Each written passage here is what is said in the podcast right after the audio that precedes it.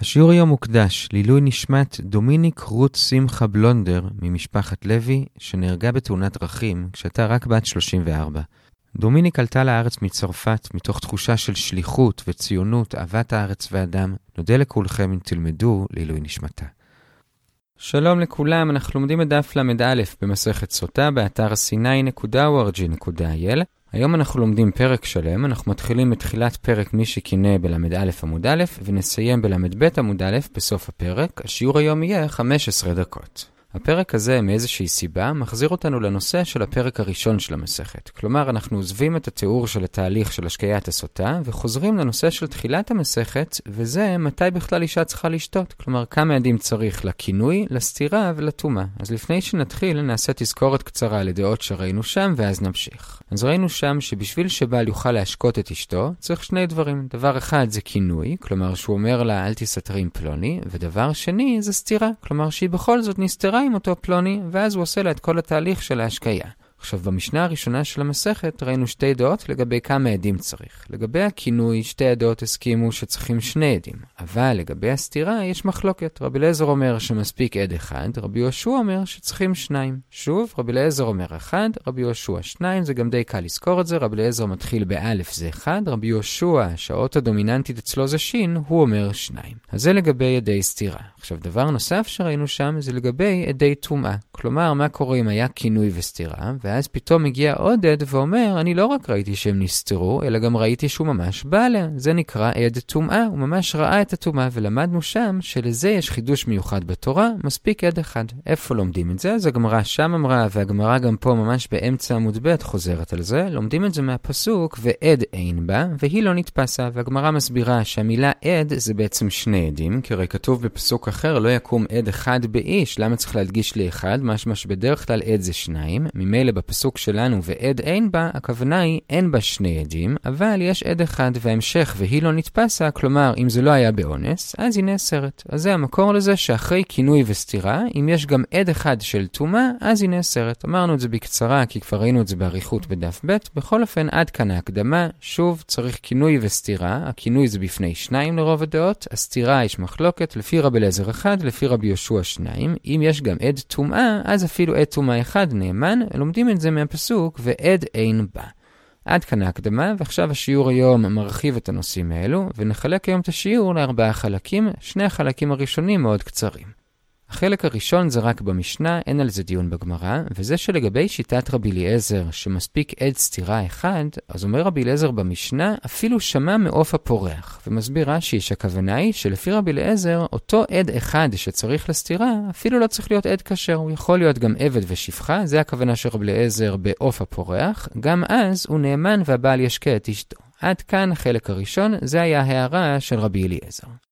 החלק השני זה הערה של רבי יהושע. נדגיש, לפי רש"י, החלק הזה לא בא לחלוק על החלק הראשון, זה פשוט עוד הערה, וזה לגבי עדות הטומאה. אומר רבי יהושע, אם היה כינוי, ואז היה עד סתירה אחד, שלפי רבי יהושע לשיטתו זה עדיין לא מספיק בשביל להשקות את האישה, כי הרי צריך שני עדי סתירה, ואחר כך לגבי הטומאה לא היה ממש עד, אבל יצאו שמועות על זה. זה נקרא שמדברות על זה המוזרות בלבנה. אנשים כשהם עוסקות בתביעת החוטים, כולם כבר מפטפטים על זה. במקרה כזה, אמנם גם אם הוא היה רוצה, הוא לא יכול להשקות את אשתו, כי הרי אין שני עדי סתירה, וגם אשתו לא אסורה עליו, כי הרי סוף סוף אמנם יש שמועות, אבל עדיין אין עדים. בכל זאת, במקרה כזה, אומר רבי יהושע, ראוי שהוא יגרש אותה. עכשיו, כמובן שגם אם הוא יגרש אותה, הוא כן ייתן לה כתובה, כי הרי אין לו הוכחות, אבל ראוי שהוא יגרש אותה. עד כאן החלק השני, שוב, זה לא בא לחלוק על החלק הראשון, זה פשוט הערה בתוך שיטת רבי יהושע, שאם יש עד סתירה אחד ושמועות על הטומאה, ראוי שהוא יגרש אותה.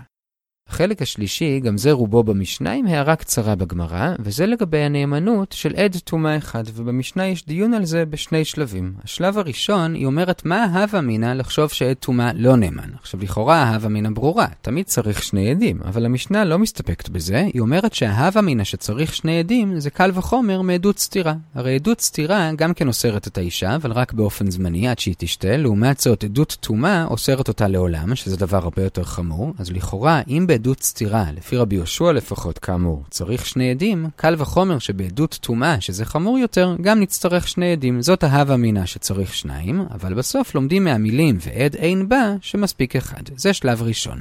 עכשיו, שלב שני אומרת המשנה, בוא נעשה קל וחומר, אבל הפוך. כלומר, אם כבר יש לי מקור שבעדות טומאה מספיק עד אחד, אז בוא נעשה קל וחומר שגם בעדות סתירה נסתפק בעד אחד. הרי כאמור, עדות סתירה היא קלה יותר מעדות טומאה. עונה המשנה, לא, בעדות סתירה צריך שניים. לומדים את זה מעל פי שניים עדים יקום דבר, וכתוב לגבי גירושין כי מצא בה ערוות דבר, אז יש כאן גזרה שווה דבר דבר, שבכל דבר שקשור לזנות צריך שני עדים, חוץ מעד טומאה, ששם כאמור יש לימוד מיוחד של ועד אין בה שמספיק עד אחד. עד כאן מה שכתוב במשנה. עכשיו הגמרא שואלת, למה כשהמשנה שם לומדת שבעדות סתירה צריך שניים, היא לומדת את זה מהגזרה שווה של דבר דבר, הרי בדף ב' ראינו לזה מקור אחר, וזה מוועד אין בה, ומיעטנו בה ולא בסתירה. אז למה המשנה כאן לכאורה לומדת את זה ממקור אחר? עונה הגמרא, באמת גם המשנה שלנו התכוונה לזה. כלומר, המשנה התכוונה לומר שני דברים, אנחנו עושים פה סוג של חסור עם איכסרה במשנה. היא גם התכוונה לומר שעדות סתירה צריכה שניים, ואת זה לומדים מבא, בא ולא בסתירה. והיא גם התכוונה לומר שבעדות טומאה סתם, כלומר לא עדות טומאה שעליה דיברנו עד עכשיו, שהיה כינוי סתירה ואז עד טומאה,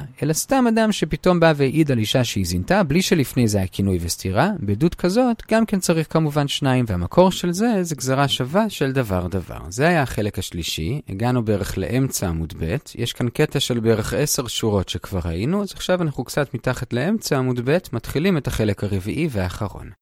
החלק הרביעי זה לגבי מה קורה אם יש הכחשה בין עדים. כלומר, העדות הראשונה מעידה שהיא טמאה, וממילא היא לא צריכה לשתות, היא צריכה להתגרש וזהו, אבל עדות שנייה אומרת לא נכון, גם אנחנו היינו שם כשהעדות הראשונה הייתה שם, ולא ראינו שהיא נטמאה, וממילא זה עדיין ספק, והיא כן צריכה לשתות. אז שוב, העדות הראשונה אומרת שהיא טמאה והיא לא צריכה לשתות, העדות השנייה אומרת שזה עדיין ספק. השאלה היא מה הדין, האם מאמינים לעדות הראשונה והיא טמאה והיא לא שותה, או שהעדות השנייה מצליחה להכחיש את העדות הראשונה ואז עדיין ספק, והיא כן שותה. זאת השאלה, ולגבי זה, המשנה מביאה שלושה מקרים, נקרא להם א', ב' וג'. מקרה א' זה שגם העדות הראשונה וגם השנייה זה רק עד אחד, כלומר עד אחד נגד עד אחד. מקרה ב' זה שהעדות הראשונה זה עד אחד, העדות השנייה זה שניים. מקרה ג' זה להפך, העדות הראשונה זה שני עדים, העדות השנייה זה אחד. זה באופן כללי. עכשיו בואו נתמקד במקרה א', כלומר עד אחד נגד עד אחד. עכשיו אנחנו נאמר כאן קודם כל את המסקנה של הגמרא, ורק אחרי זה נראה את מהלך הגמרא עצמו. אז מסקנה של הגמרא זה כך. שוב, אנחנו מדברים על מקרה שיש עד אחד שאמר שהיא טמאה, ועד שני שאומר שהיא עדיין בספק. מה הדין? אז כאן זה תלוי מתי הם באו. אם הם באו אחד אחרי השני, כלומר קודם הגיע עד אחד וכבר קיבלנו את העדות שלו, וכאמור יש דין מיוחד שעד טומאה אחד הוא נאמן, אז אפילו אם אחר כך הגיע עד אחר שאומר שזה עדיין ספק, אנחנו לא מקשיבים לו. כי הרי העד הראשון נחשב מבחינתנו כמו שניים, וכבר קיבלנו את העדות שלו, אז העד השני, שהוא רק עד אחד, אין לו משמעות, ולכן הולכים לפי העד הראשון, והיא טמאה והיא לא שותה. עכשיו זה כשהם הגיעו בזה אחר זה, אבל מה קורה אם הם הגיעו בבת אחת? לגבי זה יש מחלוקת. רבי חייא אומר, כמו הגרסה של המשנה שלנו, שכאן זה כן עכשיו כמו עדים מוכחשים, כי הרי זה לא שקיבלנו כבר את העדות הראשונה, הם הגיעו ביחד, אז אנחנו עוד לא החשבנו את העדות הראשונה שאומר שהיא טמאה, כאילו שזה שני עדים שאומרים שהיא טמאה. ממילא זה אחד נגד אחד, הם מוכחשים, ולכן זה נשאר ספק והיא שותה. אבל הוא לא אומר, לא, ברגע שיש עד אחד של טומאה, יש דין מיוחד שהוא נאמן, אפילו שכנגדו יש עד אחר שאומר שהיא עדיין ספק, בכל זאת מקבלים את עד הטומאה, והיא טמאה והיא לא שותה. זה לגבי אחד נגד אחד, זאת המסקנה. עוד רגע נראה מה המהלך של הגמרא לגבי זה. בכל אופן נחזור על זה עוד פעם. בכל מקרה מדובר שהעדות הראשונה הייתה שהיא טמאה, והעדות השנייה הייתה שהיא ספק. אם מדובר שהם באו אחד אחרי השני, אז אנחנו מקבלים את העד הראשון שאומר שהיא טמאה, ולכן היא לא שותה. לעומת זאת, אם הם באו בבת אחת, זה מחלוקת. הוא לא אומר שעדיין מקבלים את העד טומאה, והוא משנה בהתאם לזה את הגרסה של המשנה שלנו. לעומת זאת, רבי חייא נשאר עם הגרסה של המשנה שלנו, ואומר שבמקרה כזה הם מכחישים זה את זה, וזה נשאר ספק והיא שותה. זה המסקנה של הגמרא. עכשיו בואו נראה את הדברים בפנים. אז הגמרא מתחילה קודם כל מהמשנה. במשנה כתוב שאחד נגד אחד נשאר ספק והיא שותה. על זה מקשה הגמרא, למה? הרי לכאורה לעד הטומאה יש נאמנות מיוחדת, מה שאין לעד השני, אז לכאורה צריך להקשיב לו ושהיא תהיה טמאה, ועל זה יש שתי תשובות. תשובה אחת, אולה אומר, באמת בוא נשנה את הגרסה במשנה, כמו שאמרנו, כי באמת בכל מקרה, בין אם העד השני בא רק אחר כך, בין אם הם באו ביחד, בכל מקרה הולכים לפי עד הטומאה, ולכן הוא משנה את הגרסה של המשנה, ובאמת היא טמאה והיא לא שותה. לעומת זאת רבי חייא אומר, לא צריך לשנות הגרסה. מה שהמשנה אמרה שזה עדיין ספק ולא הולכים לפי עד הטומאה, זה כשהם באו בבת אחת. אבל אם באמת זה יהיה זה אחר זה, כלומר קודם עד הטומאה ונקבל את העדות שלו ורק אחרי זה יבוא עד שני, אז באמת נלך לפי עד הטומאה. אז כאמור, בכל אופן יוצא מחלוקת בין רבי חייא לאולה לגבי כשהם באו בבת אחת, לפי אולה היא נחשבת טמאה, לפי רבי חייא זה עדיין ספק והיא שותה. עד כאן השלב הראשון בגמרא. השלב השני בגמרא זה שהגמרא מנסה להקשות ממקרה ב' במשנה על רבי חייא. כאמור, מקרה ב' במשנה זה שבאמת הגיע עד אחד בהתחלה ואמר שהיא טמאה, אבל אחרי זה לא הגיע רק עד אחד ואמר שזה ספק, אלא הגיעו שניים, ושם אומרת המשנה שהולכים לפי השניים, כלומר היא עדיין ספק, והיא שותה. עכשיו, מכאן לכאורה משמע שבמקרה א' זה לא יכול להיות הדין. למה? כי אם נאמר שזה הדין גם במקרה א', אז למה צריך את מקרה ב'? הרי אם במקרה א', ששם הגיע רק עד אחד אחרי זה ואמר שהיא עדיין ספק, אנחנו מקשיבים לו, אז קל וחומר הם הגיעו אחרי זה שני עדים ואמרו שזה ספק שנקשיב להם, אז למה צריך להשמיע לנו? אלא מכאן לכאורה משמע שבמקרה א' זה לא הדין, אלא כמו שאול אמר, שהולכים לפי העד הראשון והיא טמאה. זה הקושייה על רבי חייא ממקרה ב', אבל הגמרא מיד עונה, אתה לא יכול להקשות מכאן, כי אם אתה מקשה בסגנון הזה, בוא תראה את מקרה ג'. מקרה ג' זה מקרה בדיוק הפוך למקרה ב', כלומר, גם שם יש שני עדים מול אחד, אבל הפעם השניים הם אלו שאמרו שהיא טמאה, והאחד הוא זה שאמר שהיא טהורה, וגם כאן הולכים לפי השניים ואומרים שהיא טמאה. ועכשיו מזה מוכח לכאורה שמקרה א' זה דווקא כמו רבי חייא ולא כמו אולה, כי אם נאמר שבמקרה א' הדין הוא כמו אולה, שגם שם הולכים לפי הראשון שאומר שהיא טמאה, אז למה צריך את מקרה ג'? הרי אם הולכים לפי עד אחד שאומר שהיא טמאה, ודאי שנלך לפי שניים שאומרים שהיא טמאה, ממילא אל תנסה להוכיח לי ממקרה ב', כי אז אתה מסתבך עם מקרה ג'. אז יוצא שאי אפשר להקשות מב' וג' על א', למה צריך אותם אם יש כבר את א', אלא כנראה שגם אם הדין באלף ובב' או בג' זה אותו הדין, עדיין צריך את ב' וג', ולכן מכאן אל תנסה להוכיח על א'. אז את א' אנחנו כרגע שמים בצד, ואנחנו עוברים לשלב השלישי ומתמקדים במקרה ב' וג'.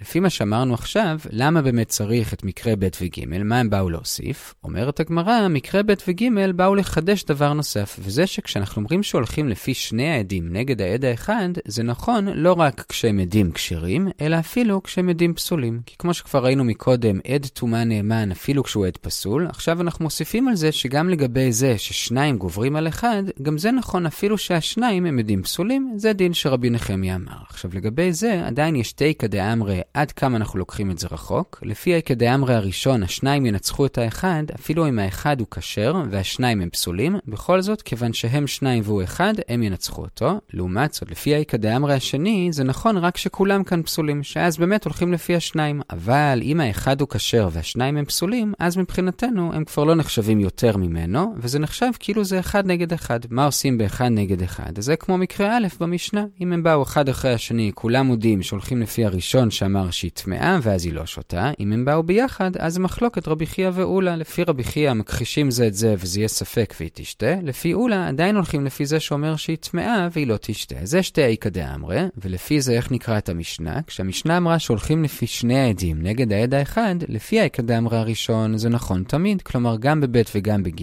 אם יש שני עדים אפילו שהם פסולים נגד עד אחד, לא משנה אם הוא פסול או כשר, תמיד הולכים לפי שני עדים. זה לפי איכא דאמרי הראשון, הכל פשוט. לפי האיכא דאמרי השני, צריך לצמצם קצת את המשנה ולומר שהיא דיברה רק על מקרים מסוימים. על איזה מקרים? אז קודם כל היא דיברה על מקרה שבו העד האחד פסול, אז באמת שני עדים פסולים נגד עד אחד פסול, הולכים לפי שני העדים הפסולים. אם העד האחד כשר, אז כאן זה יותר מורכב. במקרה ב' שבו העד האחד הכשר אמר שהיא טמאה ושני עדים פסולים אמרו שהיא טהורה, אז האיכא דאמרה הזאת לא אומרת שאנחנו מתעלמים משני עדים, אנחנו פשוט מחשיבים אותם כעד אחד. ממילא לכאורה זה יהיה תלוי במחלוקת אולה ורבי חייא, כמו שאמרנו. כלומר שלפי אולה נלך לפי עד הטומאה והיא תהיה טמאה, ולפי רבי חייא זה יהיה כמו אחד ואחד שבאו בבת אחת, וזה יהיה עדות מוכחשת והיא תצטרך לשתות. זה במקרה ב'.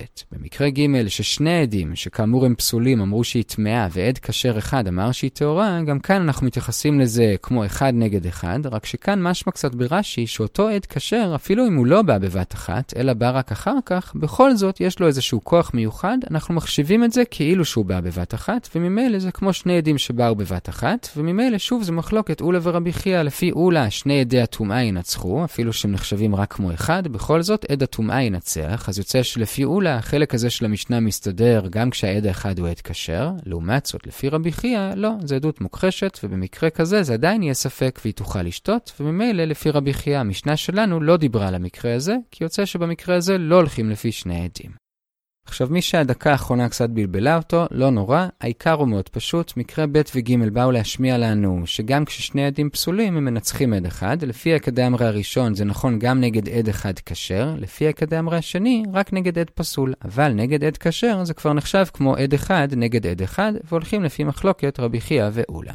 עכשיו נשים לרגע את ההבדל בין שתי איכא דאמרי בצד, יוצא שגם מקרה ב' וגם מקרה ג' באו בעצם לחדש את אותו דבר, ששני עדים מנצחים עד אחד אפילו שהשניים פסולים. למה אני צריך גם את ב' וגם את ג' ללמד אותי את אותו הדין? אומרת הגמרא, בשורות האחרונות של הפרק יש צריכותא, כי היינו חושבים שאולי זה נכון רק לקולה ולא לחומרה, כמה השמלן שזה נכון גם לחומרה. עכשיו, מה כאן הקולה ומה כאן החומרה? זה מחלוקת בראשונים, האם הקולה זה שהיא שותה, או שהקולה זה שהיא פשוט טמאה ולא שותה? בכל אופן, זה נכון בין במקרה שבו אומרים שהיא טמאה, ובין במקרה שבו אומרים שהיא ספק והיא צריכה לשתות. עד כאן החלק הרביעי של השיעור, בזה התחלנו וסיימנו בעזרת השם את פרק מי שקינא, נעצור כאן, נחזור על מה שראינו. היום חזרנו לנושא של תחילת הפרק, וזה עדי כינוי, סתירה וטומאה. הזכרנו בהתחלה שלגבי עדי סתירה יש מחלוקת כמה עדים צריך, לפי רבי אליעזר מספיק אחד, לפי רבי יהושע שניים. בעד טומאה יש חידוש של התורה מהפסוק ועד אין בה, שמספיק עד טומאה אחד בשביל לאסור אותה, היא לא שותה והיא מתגרשת בלי כתובה. זה היה התזכורת. היום ראינו לגבי זה עוד ארבעה חלקים. בחלק הראשון אמרנו שלפי רבי אליעזר שמספיק עד סתירה אחד, אז אותו עד סתירה יכול להיות אפילו עד פסול, זה נקרא במשנה אפילו שמע מעוף הפורח. חלק שני, לפי רבי יהושע שעד סתירה אחד לא מספיק, אומר רבי יהושע, אם היה כינוי ואז היה עד סתירה אחד והיה שמועות על טומאה, זה כבר מספיק לא בשביל להכריח אותה לשתות, אבל ראוי שהבעל יגרש אותה. זה היה בחלק השני.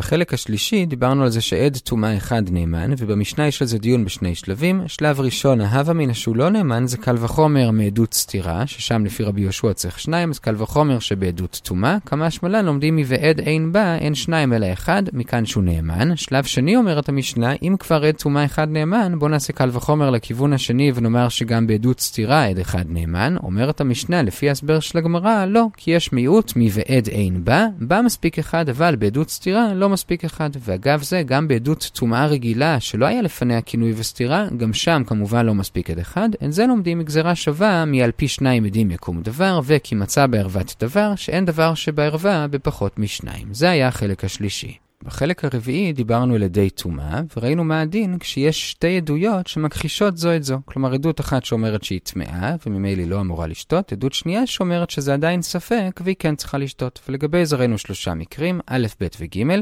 מקרה א' זה עד אחד נגד אחד, במקרה הזה, לפי המסקנה של הגמרא, אם הם באו אחד אחרי השני, כלומר קיבלנו כבר את העד האחד שאומר שהיא טמאה, וכמעט פסקנו על פיו, ואז פתאום הגיע עוד עד, במקרה כזה כבר קיבלנו את העד הראשון, הוא נחשב כמו שניים והיא טמאה, אבל אם הם באו בבת אחת, כאן זה מחלוקת. לפי אולה עדיין הולכים לפי העד טומאה, כי לא יש נאמנות מיוחדת, לעד השני אין, לעומת זאת לפי רבי חייא, כיוון שהוא מוכחש עוד לפני שקיבלנו את העדות שלו, אז עדיין אין לו את אותה נאמנות מיוחדת, וזה כמו עדים שמכחישים זה את זה, ולכן זה עדיין ספק, והיא כן שותה. זה לגבי מקרה א', אחד על אחד. הגמרא ניסתה להקשות על מקרה א' ממקרה ב', אבל אמרה, אתה לא יכול להוכיח משם, כי יש לך את מקרה ג' שמשם מוכח בדיוק להפך, לכן אי אפשר להקשות משם. בשלב השלישי התמקדנו במקרה ב' וג', מקרה ב' זה שיש עד אחד של טומאה ושני עדי טהרה, ומקרה ג' זה שיש שני עדי טומאה ועד אחד של טהרה, ואמרנו שלכאורה בין לאולה ובין לרבי חייא, אחד מהחלקים האלו מיותרים כי הוא דומה לדין של מקרה א', ואמרנו יש כאן חידוש אחר. החידוש כאן זה שאפילו ששני עדים הם עדים פסולים, עדיין הם גוברים. וכאן שתי כדאמרי, האם הם גוברים גם על עד אחד שהוא כשר, או רק על עד אחד שהוא פסול, אבל עד כשר יאפס אותם, כלומר יגרום להם לחשב כעד אחד. ולסיום אמרנו שיש גם צריכות על למה צריך להביא לי גם את מקרה ב' וגם את מקרה ג'